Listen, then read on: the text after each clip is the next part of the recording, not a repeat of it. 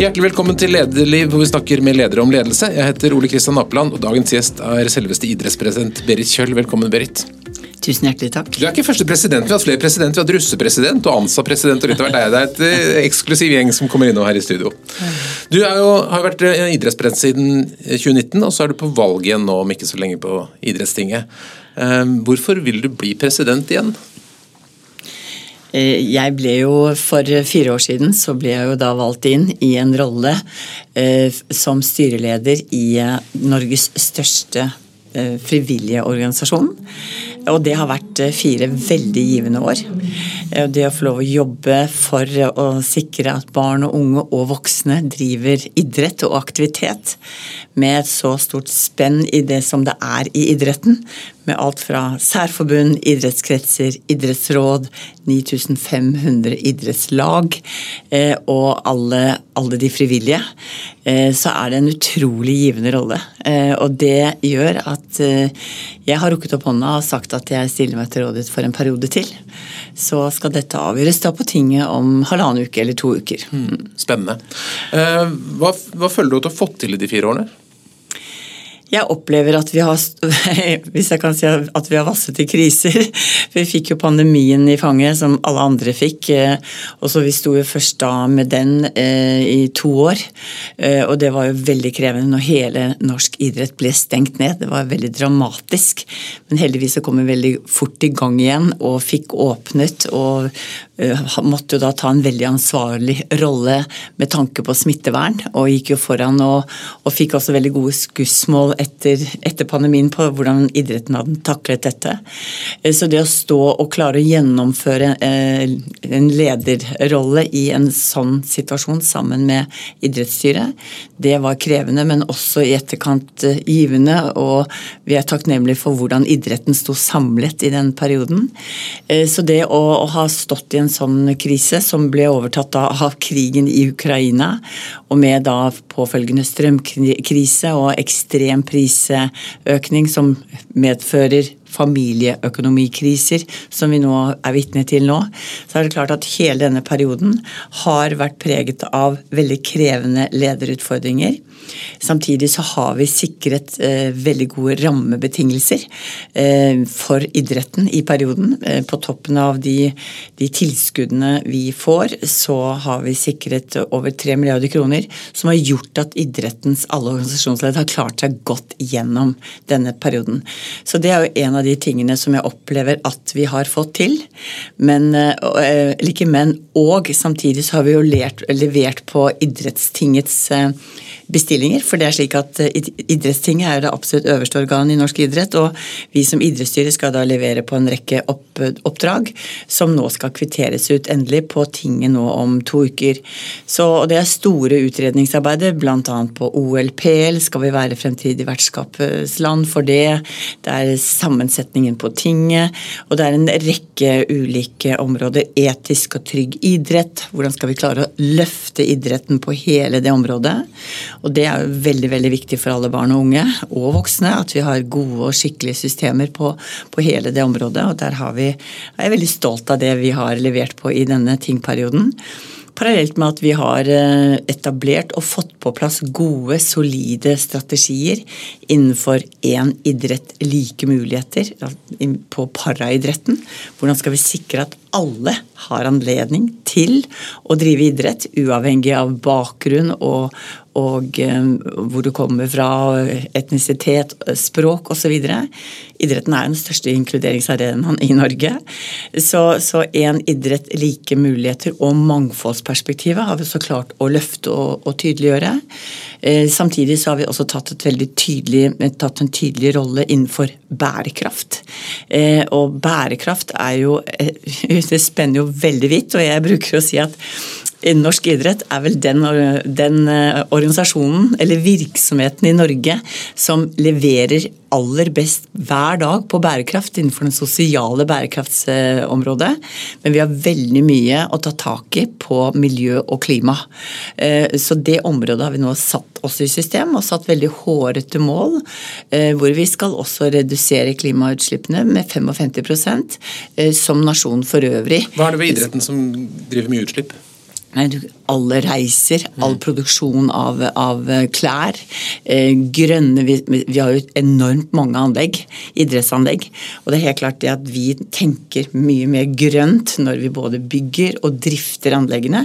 Er, der har vi en utrolig stor og viktig samfunnsoppgave eh, som til dels har vært skjøtt godt i enkelte forbund. Vi er jo 55 særforbund, mens andre ikke har like stor bevissthet.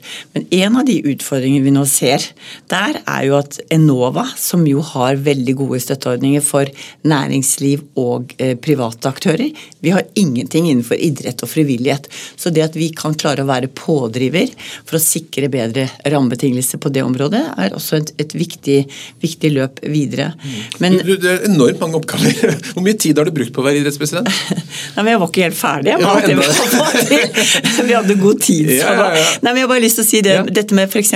kjønnsbalanse. ja. dette med, eh, med eh, krafttaket for mangfold, som jeg sa, det er jo også veldig omfattende.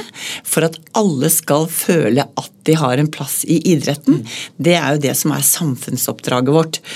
Og så har du den internasjonale arenaen. Der har vi også en veldig tydelig ønsker å ta en tydelig stemme. Og vi er jo verdens beste idrettsnasjon.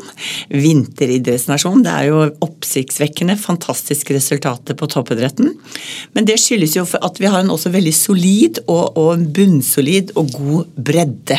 Fra barn, unge og oppover. Og, og det er jo det som er det, det fine. Desto større bredde, desto større og, og spissere topp. Og vi har yter veldig respekt ute, eh, nasjonen Norge, for de resultatene vi får til, og de verdiene vi står for. Og, og det å ha en tydelig stemme internasjonalt er også veldig viktig for oss.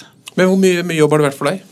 Ja, dette, er jo, dette er jo 100 eh, en 100% jobb, eller tillitsverv, så derfor så er jeg jo valgt for fire år. Eh, så, så, du kan si at det er en 100% jobb, men og vel så det, så jeg er vel frivillig på toppen, da. Mm. Selv om det er betalt, eh, en betalt rolle. Mm. Er det noe du ikke har fått til, som du gjerne skulle ha klart? Ja, og det er jo dette som trigger at jeg nå har rukket opp hånden for en periode til. Eh, og det er at i, på grunn av at vi har stått i eh, disse krevende situasjoner, som alle andre også har stått i, selvfølgelig, så det er ikke unikt for oss i idretten, så har det jo vært ting som jeg opplever at vi ikke har klart å levere godt nok på. Og det er bl.a. på rammebetingelser for anlegg, hvordan vi kan løfte hele anleggssituasjonen i Norge. Vi har en fantastisk visjon i norsk idrett. Eh, skape idrettsglede for alle idrettsglede for alle. Så vi spretter opp av senga om morgenen og skal levere på. Eh, men vi klarer jo ikke det når vi ikke har anlegg som rommer alle.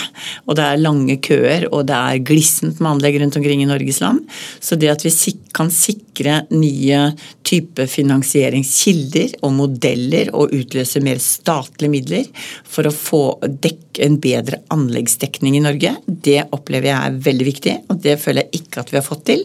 Men nå har vi heldigvis en regjering også som som lager nå en nasjonal handlingsplan for anlegg. Og det mener jeg er en unik mulighet for oss i den kommende perioden til å ta en vesentlig løft på hele anleggssituasjonen i Norge. Mm. Så det er det ene området. Det andre området som jeg opplever er ekstremt viktig, og som har blitt veldig sårbart og utsatt nå som følge av de krisene vi har stått i, det er jo det med at økonomien er en barriere for mange familier og for å delta, for at barna og unge skal få lov å delta i idretten. Og det skal ikke og får ikke være en barriere.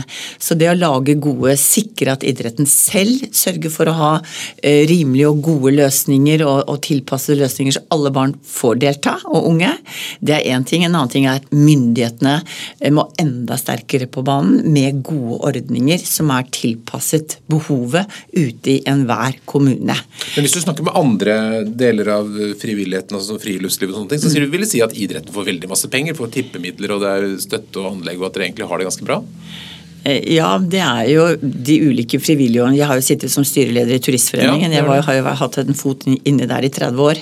Og det er helt klart at alle har jo ulike finansieringskilder. Vi har gode, vi har gode rammer over spillemidlene. Men eh, husk på at norsk idrett vi genererer 37 milliarder kroner i verdiskapning, hvis du tar hele bløtkaka.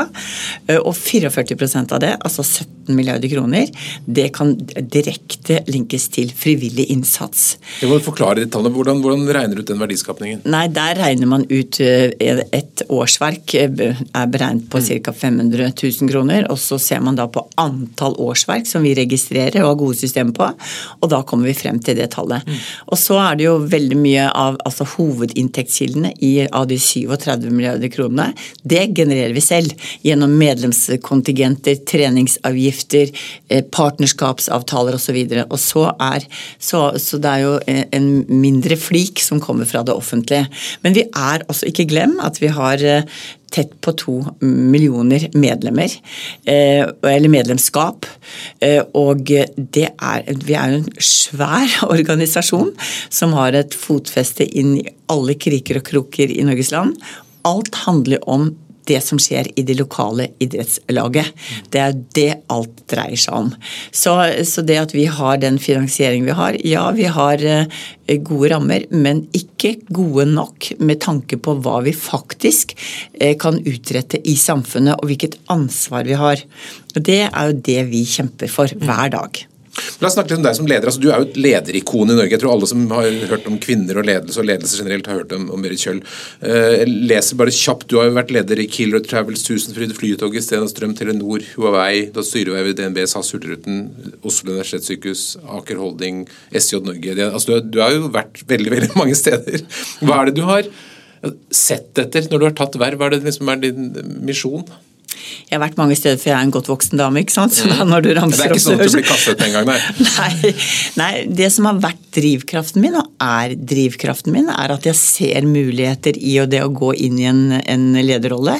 Og det å ta tak og, og, og, og gjøre det, løfte, løfte, det respektive stedet jeg har vært med på. Og det er jo spesielt da når du går inn som operativ administrerende direktør, så er man jo veldig operativ sammen med et lederteam. Når du sitter som et styreleder, så blir du på en annen måte, men du skal jo fortsatt levere sammen med styret. Enten du er styreleder eller du er styremedlem. Men, og jeg har alltid hatt styreverv parallelt med at jeg har vært operativ leder, og parallelt med at jeg har hatt en fot inn i frivilligheten. Enten Turistforeningen eller idretten. Du er glad i å jobbe med andre ord? ja, men det har bare blitt sånn. Jeg syns den, den fine balansen på vektskålene med at du, du er inne i næringslivssluket, samtidig så har du den dimensjonen som frivilligheten gir deg. Og jeg, jeg må virkelig si at jeg er så glad for en ting jeg har holdt på med hele livet, og det er det frivillige engasjementet mitt. Og det må jeg bruke anledningen til å slå et slag for nå. For det å være frivillig, det gir jo noe veldig mye mer utover selve de oppgavene du utfører som frivillig. Du får jo en tilhørighet til noe som er større enn deg sjøl, og du bidrar på en veldig veldig eh, tilfredsstillende måte. Du får og du gir, og du, det, er, det er alle veier. Så jeg vil jo oppfordre alle som har litt tid, eller kanskje ikke har tid, til faktisk å banke på døra til det lokale idrettslaget spørre hva kan du bidra med. Mm. For, for, det er en dimensjon som jeg ikke ville vært foruten. Hvordan var det det startet? Når du tok du ut lederansvar første gang? Nei, det var jo når jeg, ble, når jeg eh, dro ut som veldig ung, jeg var vel 21, og, og begynte å jobbe for Klubb 33, som var da en del av Vingreiser. Ja. Og det var et eh, det Reiseleder, var det det rett og slett? Reiseleder, ja. I Benidorm, og jeg var vel jeg tror jeg var, jeg var 21, 20, 20 kanskje, og, og, hadde bare behov for å gjøre noe annet før jeg gikk i gang med studier. Og, og da jeg, var jeg reiseleder i, i Benidorm, og da etter en sesong så ble jeg spurt om å bli plasssjef på Tenerife. Mm. Og det tenkte jeg ja, det var var spennende. Så da ble jeg eh, ansvarlig for en, en, noen svenske gutter. og, og, og, hadde da reise, gjester hver uke som kom inn. Eh, og jeg var den eneste norske der, og, og jeg gjorde det to vintre. Og så tok det ene det andre. Så du eh, skjønte på en måte at ledelse var noe som lå for deg? Nei, jeg vet ikke. Jeg ble bare tok jeg rakk opp, eller Når jeg ble spurt, mm. så hadde noen som hadde sett at det kanskje ville passe meg. Og, og det å få det lederansvaret i så ung alder, det har jeg bare alltid tenkt på at det skal jeg bare sørge for at jeg også bringer videre til andre når jeg jobber med ungdom. Og det å, å være leder, det har jeg alltid tenkt på at det er dobbelt så moro, bruker jeg å si. Så, eh, og det har bare vokst på seg, og så har det bare blitt naturlig at det har vært sånn hele veien. Men når du ser tilbake på alle disse tingene, hva er du mest stolt av? Jeg har mye, mye eh, jeg kan være stolt av som vi har oppnådd sammen med de teamene jeg har jobbet med. Det har alltid handlet om å jobbe i team. Sterke, gode team eh, som har jobbet mot felles mål og villet jobbe mot felles mål. Eh, og det er da man når de beste resultatene. Det jeg kanskje er jeg skal si, aller mest stolt av som jeg, jeg, jeg, kan jo si at jeg har vært stolt av alt det vi har fått til de ulike stedene, men Flytoget, NSB Gardermobanen. Jeg husker jeg satt i styret i eh, det som nå er Avinor. Eh, og jeg husker eh, Tore Tønne, som dessverre gikk bort for mange mange år siden. Satt i samme styre og sa nå må vi sørge for at ikke den nye hovedflyplassen på Gardermoen, altså OSL, blir det nye Mongstad. Det ble aldri den nye hovedflyplassen, for det var veldig godt styrt. Men det som ble det nye Mongstad, det var jo NSB Gardermobanen. Mm. Og da jobbet jeg som, eh, som Og For de som er unge som Mongstad, var altså et milliardsprekkprosjekt i oljesektoren, bare for å ta det. Ja, ja takk. Nei, da jobbet jeg som uh, administrerende direktør i Tusenfryd. Og hadde gått inn der eh, etter at jeg hadde vært administrerende da i Killer Travels og snudd rundt på tallene der fra, fra eh, røde til sorte. Og så var jo samme oppgaven i Tusenfryd, og der var jeg jo i, i flere år og, og bidro sammen med det teamet og et godt styre til å få det til. Og da ble jeg kontaktet av eh, NSB Gardermobanen, og da hadde jeg bare lest om og fulgt med det fra styrevervet mitt i det som heter Avinor nå, eh, på at dette ble jo et ordentlig Det var jo skikkelig krise. Og det ble det, det, jeg tror det estimatet var at det skulle koste 4 milliarder kroner, og så endte det opp på 12-13 ja, Det husker jeg ikke helt tallet, men det var i hvert fall store tall. Så det å, å gå inn der og være med Eh, fra, og, og når jeg så på det caset, tenkte jeg nei, dette her er jo ikke noe for meg. Men så så jeg bildet av de fine flytogene, eh, Norges første høyhastighetsbane, tenkte her er det jo, dette fortjener jo virkelig å bli knallbra for det norske folk. Så jeg takket ja til den jobben, og eh, fikk jo da, sammen med et kjempebra team, flytoget bokstavelig talt på skinner. Og det var jo lekkasjer og, og altså ja, Dere husker jo alle de problemene med Romeriksport og gud hjelpe med alt som var rock rock gill og jeg vet ikke. Og, og fikk, eh, vi fikk jo da skrevet ned, var det, eh, det var vel tett på 11 milliarder, vi fikk skrevet ned gjelden og fikk, det, fikk jobbet på Stortinget og fikk det ut av NSB. Og, og fikk det rendyrket som et eget selskap og fikk navnet endret, for NSB hadde altså ikke noe spesielt godt rykte den gang heller. Og fikk da satt det på skinner og kalt det Flytoget og fikk vist også at det går an å drive et knallbra togtilbud i Norge gjennom Flytoget. Og jeg må bare si at når jeg hører at man tenker å legge dette Flytoget inn under Vy og la det bli et ordinært tilbud, da, da grøsser jeg på ryggen og tenker er vi virkelig, må vi virkelig det? Jeg syns det er veldig, veldig trist at vi ikke kan sikre og opprettholde et førsteklasses eh, togtilbud til alle som skal være sikre på å rekke et fly. Mm. Jeg tror ikke det tilbudet blir like godt ved å legge det inn i noe annet. Vi måler jo omdømmet til mange norske virksomheter, og Flytog har et veldig mye bedre omdømme enn vi, for å si det på den måten. Ja. Eh, men hva, hva syns du har vært vanskeligst da gjennom alle disse årene? Er det noen vanskelige opplevelser som du husker godt? de vanskelige opplevelsene glemmer man jo veldig fort. Da. Det er ikke noe som eh, popper opp i hodet mitt sånn umiddelbart. og Jeg tenker at nei, det skulle jeg ikke gjort, eller det ville jeg ikke vært med på. Man, man alt man er med på, lærer man jo av noe av, tar med seg. og, og det, er noe som heter at det er aldri så ille at det ikke er godt for noe. Og jeg må si at um, jeg syns jeg har eh, fått med meg um, veldig mye underveis. Det som jeg har mislikt noen ganger, hvor jeg har truffet på, og det gjør man jo også, det er jo hvis jeg opplever at jeg treffer personer som driver urent trav.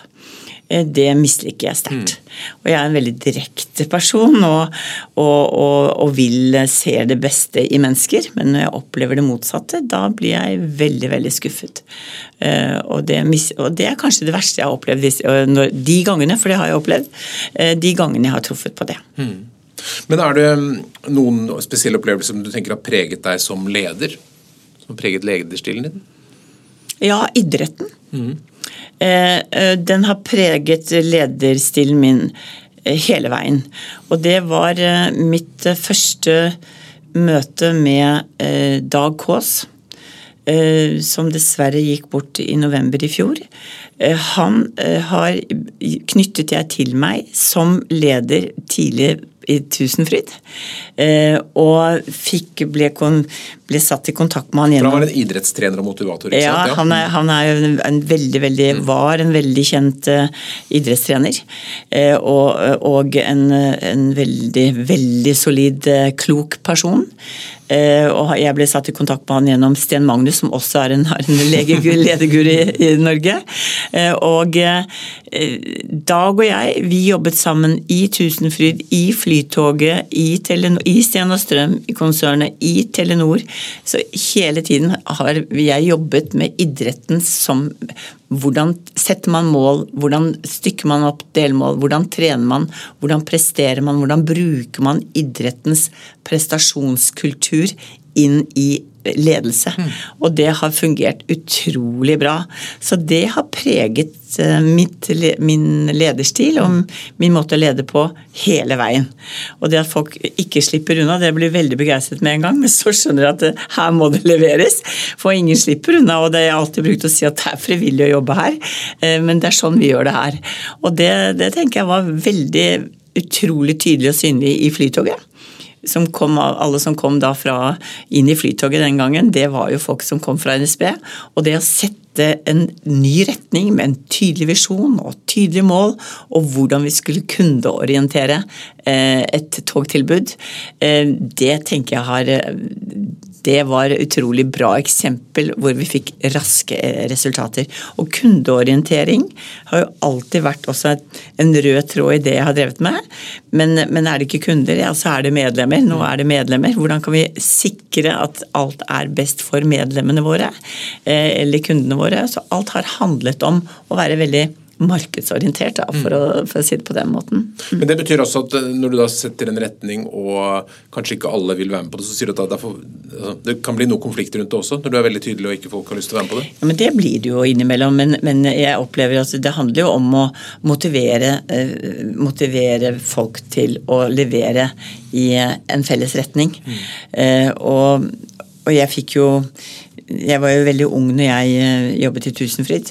Eller min første administrerende direktørjobb, da var jeg 30 år, og det var jo på Killer Travels. Mm. Det som ble Killer Travels, det het Universitetenes reisebyråkjede den gangen jeg kom inn. Og det var også røde tall, og, og, vi forvandlet det på fire år til å bli bra resultater. Og så ble det jo solgt og ble Killer Travels, og for ungdom og studenter rendyrket. Og og da jeg kom Etter det så gikk jeg til Tusenfryd, og der var det jo Vi var jo, og er vel også nå, Norges største arbeidsgiver for ungdom. Og det å med en ekstremt kort sesong, 100 dagers sesong eh, Så alle trodde at man åpnet den parken dagen før, eller det er liksom det inntrykket man har, men det var lang planlegging på en liten stab gjennom hele året, for så å trene opp studenter og ungdom til å bli effektive fra dag én. Og det, det lærte Det gjorde noe med meg med tanke på hvor enkelt ting må være, hvor effektivt ting må være, og hvor utrolig viktig det er å sørge for alle de flotte ungdommene får det første møtet man får med arbeidslivet. Hvilket ansvar det påhviler, påhviler en arbeidsgiver. Og Tusenfryd må jeg virkelig se. Nå sitter jeg og ser på Flytoget går her ute. Det er ganske sjarmerende, faktisk. Eh, og, og Tusenfryd har jo virkelig levert hele veien osv. har et veldig veldig godt omdømme for det. Og Nå har du nevnt flere eksempler på hvordan du, du har snudd ting som går dårlig, til noe bra. Hva er hemmeligheten på å snu en organisasjon? Det er jo at man må gå ordentlig inn i eh, situasjonen eh, og bruke tid på å forstå hvor man er eh, ordentlig, grundig, og så sette retning på hvor man skal. Definere et tydelig mål på hvor man skal. Og så lage gode strategier sammen med Dette handler ikke om noe jeg alene gjør, alltid sammen med et team. Og sette, sette tydelige mål på hvordan man skal komme dit. Mm. Ha tydelige, klare strategier. Og gjøre, jobbe, gjøre ting enkelt og oversiktlig. Og, og, og, sette mål og levere på mål underveis. Og dette her er jo idretten. Mm. Prestasjonskultur i et nøtteskall. Så, så det, er, det, det høres veldig enkelt ut, og det er egentlig ikke veldig komplekst. Men det handler jo om å å, eh, ta tak, rett og slett. Mm. Hvordan vil du oppleves som leder? Hvordan, du, hvordan, hvordan vil du at folk skal føle at du er? Jeg opplever vel at tilbakemeldinger som jeg får, er at jeg er inkluderende, og at jeg ønsker å, eh, å bygge gode team rundt meg og, og ha, jobbe mot felles mål. At jeg er nedpå og usnobbete, men tydelig og krevende. Men nå, noen av de tilbakemeldingene som har vært nå i valgkampen rundt idretts... Mm. Altså, det er jo ikke bare den, det bildet som har kommet fra. Da har du blitt liksom, prøvd, prøvd å danne andre bilder av deg. Ja, det er faktisk første gang jeg har vært med på mm. at det er noen som går hardt på banen og ønsker å lage noen andre bilder av meg. Og det skriver jeg på kappen for valgkamp, mm. rett og slett. Hvordan opplever du det? Nei, Jeg syns jo det er ubehagelig. Jeg syns det er urent trav. Eh, og det misliker jeg, det har jeg allerede sagt at jeg mm. misliker sterkt. Og, og jeg syns det er veldig trist for idretten at man skal oppleve den type nivåer, mm. rett og slett. Jeg synes det, er, det, er, det er interessant at valgkamp for Sist gang, i 2019 da du ble valgt, så var jo du en slags underdog mot, ja. mot Sven Mollekleiv, og så klarte du likevel å, vinne. Hvordan, hvordan gjorde dere det? Nei, da var jo jeg Jeg ble jo spurt om jeg ville stille til, eh, stille til valg den gangen. Og da var det Vi var fem kandidater. Eh, og da landet jo valgkomiteen på Sven Molleklev. Eh, og, og, da slo jeg meg veldig til ro med det. Min mann var veldig glad, så vi, vi feiret faktisk at jeg ikke skulle gå videre. Men så, når det nærmet seg tinget den gang for, for fire år siden, så så var det jo noen som nappet meg ordentlig i jakka og sa kan ikke du være så snill å stille, vi vil veldig gjerne at du skal stille som benkeforslag. Og da, tre og en halv uke før tinget, så bestemte jeg meg, og da satte jeg meg ned og tok kontakt og, og jobbet systematisk inn mot tinget. Så det var en skikkelig valgkamp, rett og slett? Ja, eller valgkamp altså Jeg hadde en system, og jeg kjente jo ingen, jeg, så jeg måtte lage et system for det. Så, så det, det, jobbet jeg systematisk med, og, og møtte jo folk for første gang på tinget. Eh, og, og, vant. Men jeg, jeg, tenkte da som nå at jeg, ingen, jeg, jobber for en god sak. Jeg har en ballast som jeg tror jeg kan bringe noe godt til bords med. Mm. Og, og, jeg har ingenting å tape. Eh, så det tenkte jeg den gang, og der, det tenker jeg nå. For nå ble det jo en splittet innstilling fra valgkomiteen. Eh, og jeg hadde vel egentlig regnet med at, ikke skulle bli, at jeg ikke skulle vært innstilt i det hele tatt. Så jeg hadde vel egentlig slått meg til ro med det. Men når det kom en splittet innstilling, så tente denne gnisten i meg. Så tenkte jeg ja, her er folk har trua. Det er noen som vil at de skal ha kontinuitet i denne organisasjonen også. Så jeg tenkte da, da skal jeg stille opp for det. Mm. Og der er jeg nå. Og jeg har absolutt ingenting å tape. Det blir Enten så blir det at jeg vinner livet og fritiden, eller så vinner jeg dette vervet. Og jeg er skikkelig stolt av det, de resultatene som jeg sammen med idrettsstyret og hele denne fine organisasjonen mm. har levert på i disse periodene i det vi har stått i. Hvorfor tenker du at eh, idrettstinget bør velge deg?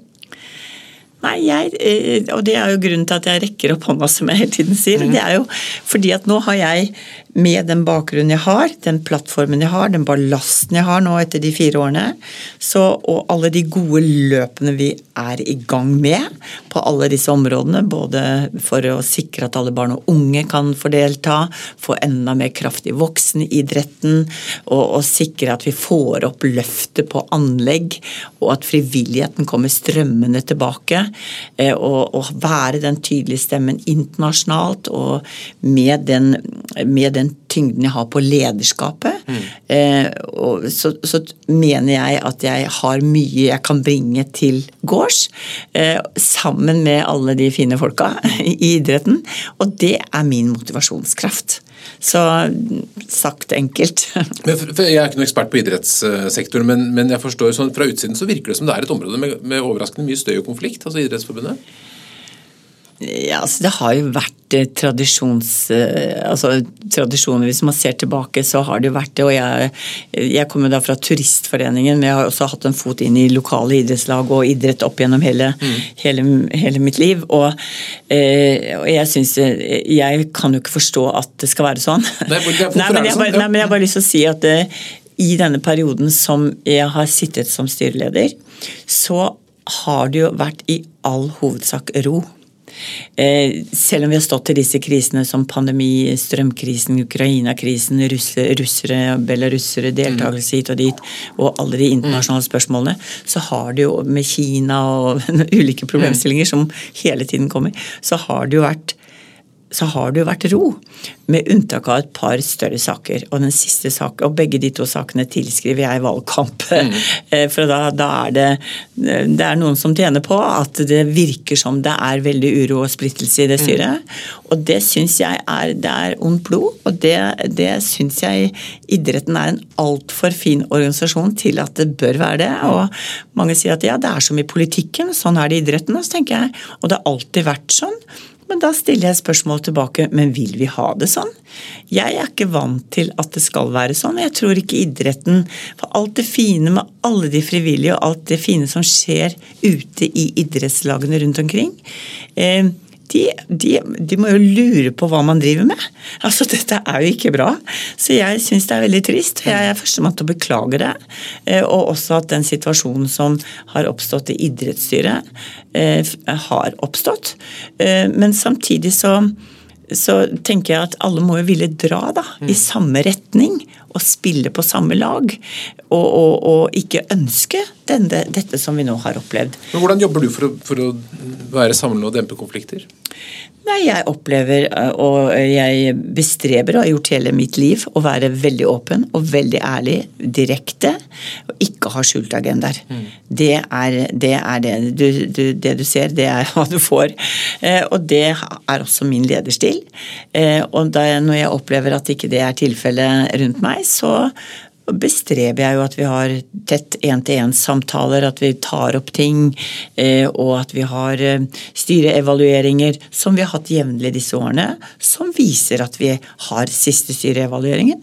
Der er eh, Hovedvekten er at vi har et godt, velfungerende styre. Mm. Og så kom da disse her bumerangene her nå, for å skape inntrykk av at det ikke er et velfungerende styre. For det har det jo da heller ikke vært, siden de konfliktene og denne varslingssaken kom, eh, på én i styret, og det er jo særdeles uheldig. Mm.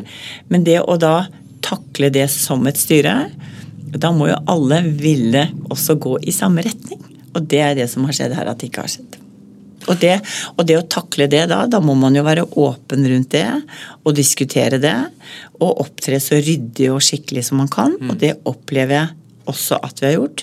Og ledelse handler jo til tider om å stå i veldig krevende situasjoner. Og det har vi fått oppleve nå. Mm. Og jeg beklager det, men sånn har det vært. Nå skal vi ikke gå inn i detaljer på det, men, men du, du, sa tidligere dette, det, det med å lære fra problemer. Hva har du lært den siste tiden? Nei, jeg, har vel blitt overrasket over urent trav. Mm.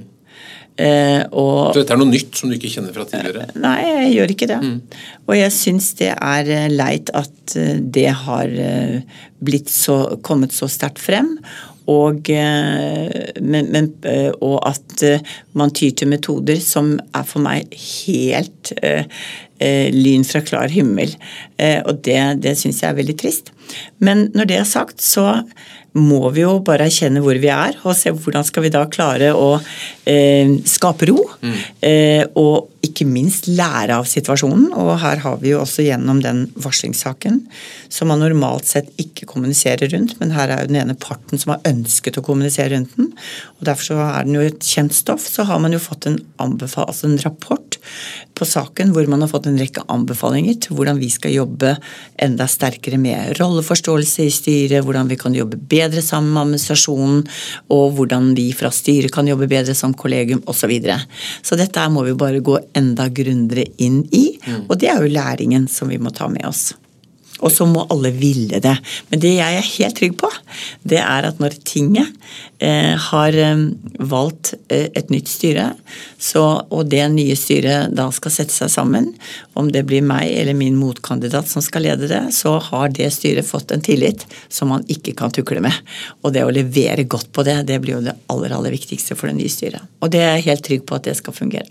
Men jeg har forstått at du, du har fått eh, noe kritikk da, i denne prosessen. Det, går du inn på det? Går, liksom, du, Går det utover selvtilliten? Blir du lei deg? Hvordan opplever du det? Jo, man kan jo bli lei seg når man får kritikk. Det er veldig menneskelig å bli. Alt annet ville være å ikke snakke sant. Men samtidig så blir jeg vel mindre lei meg når jeg vet at jeg står solid og ikke har noe å skjule, at jeg har gjort en solid jobb og at jeg har handlet riktig. Eh, så kan man alltid lære av ting og gjøre ting annerledes. Alt annet ville jo vært veldig merkelig hvis man ikke kunne det, og gjøre ting bedre. Det er vel slik alle vi også er mm. laget. Eh, så, så jeg står veldig solid når jeg har god samvittighet. Mm. Eh, og, og, da er jeg blitt veldig flink til å gå videre. Mm. Mm. Veldig, veldig flink til å gå videre. Jeg sover godt og jeg har eh, mye energi, og jeg tenker hvordan skal vi ta dette sammen med, med de andre i teamet videre på best mulig måte. Mm. Og den erfaringen, den får man jo og den tenkningen og kanskje metodikk, jeg vet ikke hva du skal kalle det, men slik har jeg laga. Og da tenker jeg at eh, det er fint. Eh, og det gjør også at jeg tenker den læringen og de ekstremt krevende situasjoner vi har stått i, eh, det har også gitt en ballast som jeg tenker kan komme til det gode for idretten mm. på veien videre. Du har måttet eh, forsvare deg i media og vært i debatter og sånne ting. Hvordan, hvordan opplever du det? Nei, men det er Eh, igjen, når du står solid i deg selv mm. og vet at du har handlet eh, etter beste skjønn sammen med, i dette tilfellet, et idrettsstyre, eh, så selv om man ser at man kunne gjort ting annerledes, så, så står du jo støtt i det. Mm. Og da, da, kjenner jeg at jeg at det er en egen kraft i det å stå støtt når du har god og ærlig samvittighet. Men du sier gjøre ting annerledes. Hvis du nå blir valgt da, og får starte opp med nytt styre, hva, hva, vil du gjøre annerledes? Nei, da vil jo vi, eh, vi hadde et styremøte i går, og der har vi nå tilrettelagt for hvordan det nye styret skal ta den hendelsen som vi nå konkret snakker om. Mm. Erfaringer fra det og anbefalinger for hvordan vi skal ta grep der. Så der er det lagt eh, gode løp på hvordan, eller vil bli lagt gode løp, men vi har lagt grunnlaget for gode løp på hvordan man skal ta tak i det i enda større grad. Men øh, du, du, virker jo som du er en sånn Du, du snakker idrettsmetafor. Du, du, er en fighter. Du gir deg ikke så lett. Ja, men jeg må ikke fighte for noe. Altså jeg det er drivkraften min, da. Mm. Eh, og drivkraften min er jo rett og slett energien min. Mm. Eh, og, og, jeg opplever når jeg jobber for en god sak, så er det, så er det veldig motiverende. Og det er det jeg kjenner på nå. Mm. Eh, og jeg kunne sikkert ha latt være å, å, gå videre når valgkomiteens innstilling kom med en splittet innstilling. Men det, det kjente jeg på at Nei, jeg tenker at eh, jeg har mye å bidra med, og det har jeg egentlig lyst til å levere på. Mm. Hvis det er, eller da åpenbart noen som har trua på at det kan være bra å ha kontinuitet. Det har man jo heller ingen tradisjon for. Eh, og da tenker jeg at det kan være positivt. Mm. Det er spennende med sånne valgkamper. Jeg må ikke, jeg, jeg er altså fighter.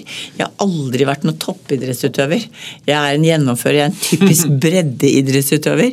Og jeg liker mangfold, jeg liker å holde på med veldig mye forskjellig. og eh, tenker at jeg må egentlig ingenting. Men eh, nå er vi nå her vi er, og eh, da får vi se hvordan dette lander, da. Mm. og uansett så blir det bra, tenker jeg. Men det er sånn med, med både dette valget og politiske valg, hvor, hvor, mye tenker du liksom handler om sak og fakta og, og liksom de konkrete tingene? Hvor mye handler om person? Mye, mye handler om liksom det du vil gjøre og lederoppgaven din? Eller hvor mye handler om personen Berit Kjøll, tenker du? Nei, det er vel en kombinasjon i det. Det jeg syns har vært eh, litt eh, uheldig, og det har jo også blitt kritisert, at så langt i disse debattene eh, som vi har deltatt i nå, eller jeg har deltatt i òg, så har det vært veldig mye fokus på person. Og jeg ønsker jo egentlig bare å snakke sak, jeg. Hva er det vi brenner for? Hva, hvordan skal vi løfte norsk idrett? Hvordan skal vi ta en enda sterkere samfunnsrolle? Og hvordan skal vi sikre enda bedre rammebetingelser til norsk idrett, sånn at alle barn og unge kan få enda bedre idrettstilbud? Mm. Så, så det er jo det jeg egentlig ønsker å fokusere på, ikke på person. Jeg er ikke veldig opptatt av meg som person. Jeg tenker at eh, jeg har levd et så langt liv og har vært eh, fortalt så mye om hva jeg holder på med at jeg blir veldig trøtt på det sjøl, for å si det sånn. Så, så hva er det folk på en måte skal brenne for og tro på for at de skal stemme på deg, da? Nei, Det må jo være at man har trua på at den ballasten jeg har, eh, kan bringe idretten til eh, noe mer mm. enn å ikke ha den ballasten som både leder eh, og de prosjektene og alt det vi nå er i gang med. At den kontinuiteten som lederskapet mitt representerer, mm. kan være med å løfte idretten til de høydene som jeg ser at vi kan. Både innenfor samfunnsrollen og rammebetingelser gjennom solid ledelse. Nå var det jo, du, du sa du var ikke innstilt riktig, og det, og det, kommer noen forbund som sier at de går for den andre kandidaten. Sånn. Hvis, Vurderer du å trekke deg hvis de liksom ser at det går feil vei, dette her? Så langt har ikke jeg vurdert det. For jeg, når, jeg, har tatt et valg, så har jeg tatt et valg, og, og det står jeg i nå. Mm. Og det, Jeg fikk senere spørsmål i dag, vi hadde pressekonferanse etter styremøtet vårt i går, eller åpen time som vi kaller det, og da var det spørsmål om Kjøl, du har jo ikke så bra oppslutning her, altså, og hva jeg tenkte om det. Og det kom noe fra NRK her også nå, som mente at jeg allerede hadde tapt med, det, med, med glans. Og da sier vi her er det kun stø kurs mot tinget som gjelder, sier jeg da. Så det, der er jeg. Men er dette for deg litt mer enn bare idrettspresidentskapet? Er det er liksom en slags kamp for, for ditt ettermæle som leder også? Nei, det har jeg ikke tenkt på. Nei. Hva gjør du da hvis du ikke blir valgt? Nei, men da har jeg jo et helt annet nydelig liv som venter på meg. Ja. Så nei, ettermælet som, som, leder, da burde jeg vel kanskje aldri stilt opp på rukket opp hånda. Eh, jeg tenker ikke sånn. Jeg tenker at eh, det som driver meg, er drivkraften min og lysten på å levere. Mm. Og jeg er helt trygg på at hvis jeg ikke går videre her nå, så er det nye dører og nye muligheter som åpner seg. Og så er jeg jo jeg er jo veldig, veldig glad i livet. Jeg er veldig glad i fritiden min. Og det har det jo helt garantert gått utover nå i denne perioden som har vært. Mm. Så det å drive mer idrett, og ikke bare snakke så mye om idrett Og så vil jeg jo fortsette i de internasjonale vervene mine. Det, det fortsetter to år til mm. i Det europeiske olympiske komiteen, og, og, samtidig som jeg er leder for bærekraftskommisjonen der, og også på ANOK, som er paraplyen i verden, så tenker jeg at jeg kommer til å ha en god fot innenfor der videre. Og så kan jeg jo kanskje eh, si at jeg er litt ledig for noen andre styreverv, da. Eh, og så er jeg veldig glad i både mannen min og hus og hav og familie og gode venner og alt det gode livet. Så da jeg tenker at det er fint, det også. Hvis det skulle vært sånn at du gikk av, hvordan tenker du, eller hvordan ønsker du at folk skal huske tilbake på liksom kjølperioden i norsk idrett? At vi har hatt eh, stø og solid kurs gjennom fire år i svært krevende tider. Mm. At vi har sammen stått godt sammen i norsk idrett. Eh, med, med å ha sikret gode, god dialog med myndighetene i krevende tider, gode rammebetingelser, og at barn og unge og voksne har fått et idrettstilbud godt idrettstilbud selv i disse vanskelige tidene. Og at vi har gjort hva vi kan for at alle skal få lov å være med. Mm. At vi har fått utvidet eh, fokuset på paraidrettsutøvere sammen med stiftelsen Vi, og, og, og det samarbeidet vi har der med, med Aker-konsernet. Så det er, det er, mange ting, og at vi har sikret en bedre og etisk og trygg idrett, mangfold. Det er mange elementer her. Mm. Men kanskje det at det har vært eh, eh, et idrettsstyre som eh, har ledet idretten gjennom krevende tider. Og at det har vært i all hovedsak ro, bortsett fra nå her på tampen, hvor det har vært villet og ønsket fra noen i styret at det skal se ut som det har vært kaos. Mm. Hvordan jobber du de siste dagene for å vinne? Nei, nå er det veldig mye forberedelser til tinget. Eh, så senest i dag, i går hadde vi styremøte, og i dag har vi gått gjennom alle tingpapirene og tingsakene. Eh, og så er det da en del eh, særforbund og kretser som inviterer til samtaler på Teams. Det har jeg hatt, og kommer til å ha flere av det. Og også, så det er hovedet. Så skal vi reise til Bergen allerede på torsdag. Og så er det pinse. Så, så, det blir å lese tingpapirer og forberede seg godt til å møte alle, alle de gode kollegaene og fine menneskene i idretten nå til, i Bergen. Så det gleder jeg meg til. Når vi snakker litt om sånne kjedelige ting, men av gode minner, da, hva er det beste du liksom husker tilbake på fra disse fire årene? Og det er mange. Det er mange, og det er alt fra når jeg er Og jeg har vært mye ute på grasrota. Eh, og vært ute mye rundt omkring i landet. Besøkt Vi har jo elleve idrettskretser. Eh, og jeg har vært eh, mye ute og besøkt kretsene og besøkt lokale idrettslag og politikere og, og lokalmiljøene. Så det, det, er en av de tingene jeg kommer til å huske. Vi var nå oppe i Narvik-idretten her forleden. Jeg var på, Eikrefjord, som er oppe i Førde, og møtte et idrettslag som har flere medlemmer enn dere er innbyggere. og, det er, og, det å liksom være, eller besøke et, et idrettslag her i regionen i Oslo, eller Asker, eller nærmiljøene her, eller nede i Lillesand var jeg forrige uke. Og da tenker jeg at det å besøke idrettslagene og se idrettsgleden hos barn og unge, og engasjerte foreldre, og, og, og, være med på det, det er en av de virkelig gode minnene jeg alltid kommer til å ha med meg. Og så, Det er ene ytterkanten. Og så er den andre ytterkanten, det er å gå med munnbind på OL. Eh, I, i, i, nesten som følte at du var i et fengsel, og det var eh, fantastisk fantastisk idrett og utøvere som leverte knallgodt både i Tokyo og, og i Beijing. Både på OL og på Paralympics. Eh, å se den idrettsgleden og se hvor hardt de unge, fine menneskene jobber og trener for å sette seg mål og har så dårlige rammebetingelser og så liten inntekt, hvor viktigste inntekten er studielån og foreldrene som supporter. Og, og, og det å, å ha de, de idrettsgledeøyeblikkene, både sommer- og vinteridretter, det er utrolig gode minner. Og så eh, tenker jeg også det er gode minner å ha hatt all den fine dialogen vi har hatt med myndighetene eh, her nå i disse krevende tidene.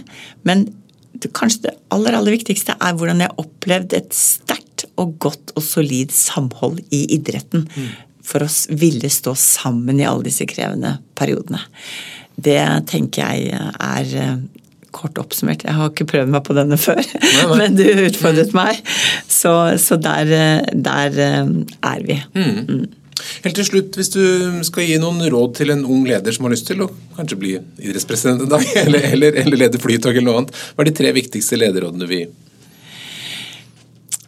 Ta utfordringen. Rekk opp hånda. Eh, ta utfordringen og sørg for å jobbe tett med din nærmeste leder og forstå oppgaven og, og, ha en tett og god dialog på å levere på oppgaven ut ifra hva forventningene er. Mm og, og dur i vei. Det er mine gode råd. Mm. Men, men, eh, og jeg er veldig for å ha jobbet hele livet for å få flere kvinnelige ledere opp og frem. Eh, og, og det syns jeg er også moro. Idretten var jo skikkelig dårlig på det. Nesten like dårlig som næringslivet da jeg kom inn der. Eh, vi hadde 12,6% kvinnelige ledere i ledende stillinger i, i styre og stell. Og, og, nå er vi oppe i tett på 30% Så det å sette mål eh, og, og sikre at det kommer flere kvinner inn, så da vil jeg legge igjen en oppfordring til kvinnene. Og det er si hvis, hvis, ikke du skulle bli valgt til idrettspresident, så blir det jo en annen kvinne. Hvis det ikke ser helt utrolig, så blir det Zainab Al-Samarai. Hva vil du gitt av, til, av råd til henne eventuelt? Nei, hun har helt sikkert gode nok råd med seg fra før, tenker jeg. jeg men, men, jenter, kom igjen, rekk opp hånda, gå for lederroller. Og, og gå gradene, eh, og få erfaring, og, og stå på. Mm. Tusen takk, Berit Kjøll, for at du kom til Lederliv. Mm, takk for meg.